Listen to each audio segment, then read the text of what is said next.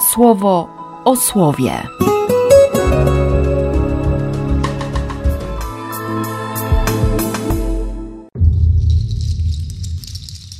Dwudziesty dziewiąty września, środa. Z księgi Daniela. Patrzyłem, a tu stawiają trony. I zasiadł dawniejszy od dni. Jego odzienie białe jak śnieg, włosy na jego głowie czyste jak wełna, jego tron z płomieni ognia, jego koła rozpalonym ogniem. Potok ognia toczył się sprzed niego. Tysiąc tysięcy służyło mu, a dziesięć tysięcy dziesiątków tysięcy stało przed nim. Zasiadł sąd i otwarte zostały księgi.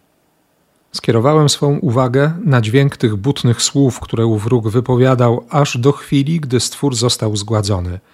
Jego ciało wydano na zniszczenie przez spalenie w ogniu. Także pozostałym zwierzętom odebrana została władza i wyznaczono im długość życia aż do określonej pory i pory. Patrzyłem dalej w tym nocnym widzeniu, a tu nadchodzi wśród obłoków nieba jakby syn człowieczy. Przybliżył się do dawniejszego od dni i stanął przed nim. I oddana mu została władza i cześć i królowanie. Wszystkie ludy, plemiona i szczepy mówiące odrębnymi językami jemu będą służyły, a ta jego władza władzą wieczną. Ona nie przeminie. Królestwo jego nie ulegnie zniszczeniu. Z Apokalipsy świętego Jana. I zaczęła się wojna w niebie. Michał i jego aniołowie przystąpili do bitwy z tym wężem. Również wąż i jego aniołowie zaczęli walczyć, jednak nie dali rady i nie było już dla nich miejsca w niebie. Ten ogromny wąż, gad starodawny, nazywany diabłem i szatanem, który na manowce sprowadza cały świat zamieszkały, zrzucony został na ziemię, a z nim zrzuceni zostali jego aniołowie. I usłyszałem, jak mówi jakiś wielki głos w niebie – Teraz nastało zbawienie i moc i królowanie naszego Boga oraz władza Jego pomazańca, bo zrzucony został oskarżyciel naszych braci, dniem i nocą oskarżający ich przed naszym Bogiem.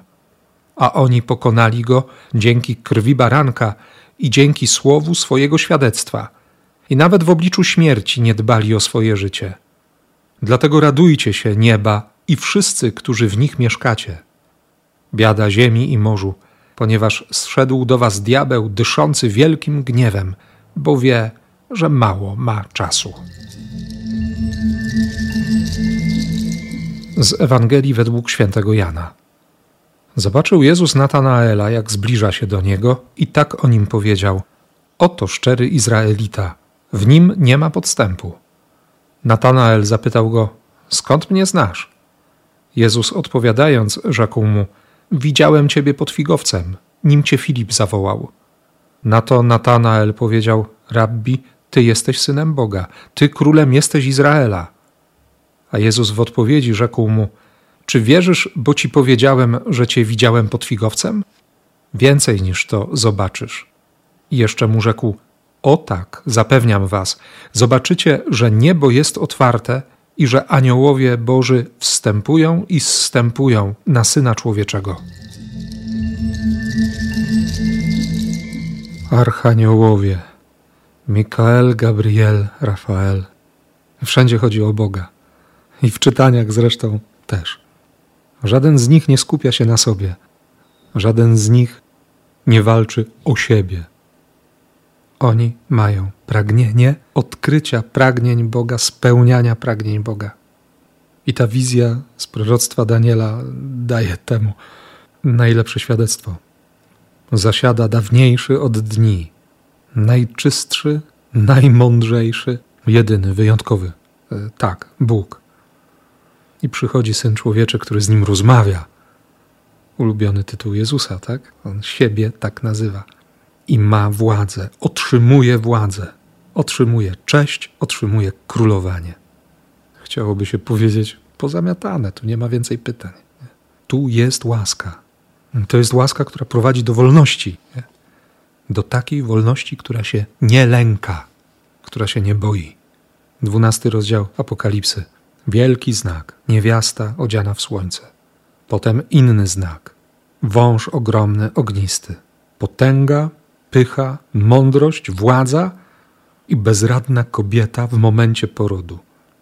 Wynik konfrontacji dziecko porwane do Boga. Niewiasta znajduje schronienie na pustyni. I zaczęła się wojna. Ten początek ósmego wersetu. Również wąż i jego aniołowie zaczęli walczyć, jednak nie dali rady. No nie dadzą rady, diabeł nie da rady. Będzie dyszał wielkim gniewem, wie, że mało ma czasu, ale nie da rady. Chcę tego doświadczyć na nowo. Chcę uwierzyć temu słowu, nie? Chcę za nim iść. Michał, Gabriel, Rafał, oni są świadkami, że diabeł nie da rady. Że zwycięstwo, że królowanie, że władza, że cześć, potęga, moc są szatą Boga i Jego pomazańca. I jeszcze ten, który oskarża, został zrzucony, bo bracia pokonali go dzięki krwi baranka i dzięki słowu swojego świadectwa. Łaska, odkupienie, zwycięstwo, zbawienie jest Twoje, jest moje. A Jezus powie: Zobaczysz jeszcze więcej niż to. Niebo jest otwarte, aniołowie Boży.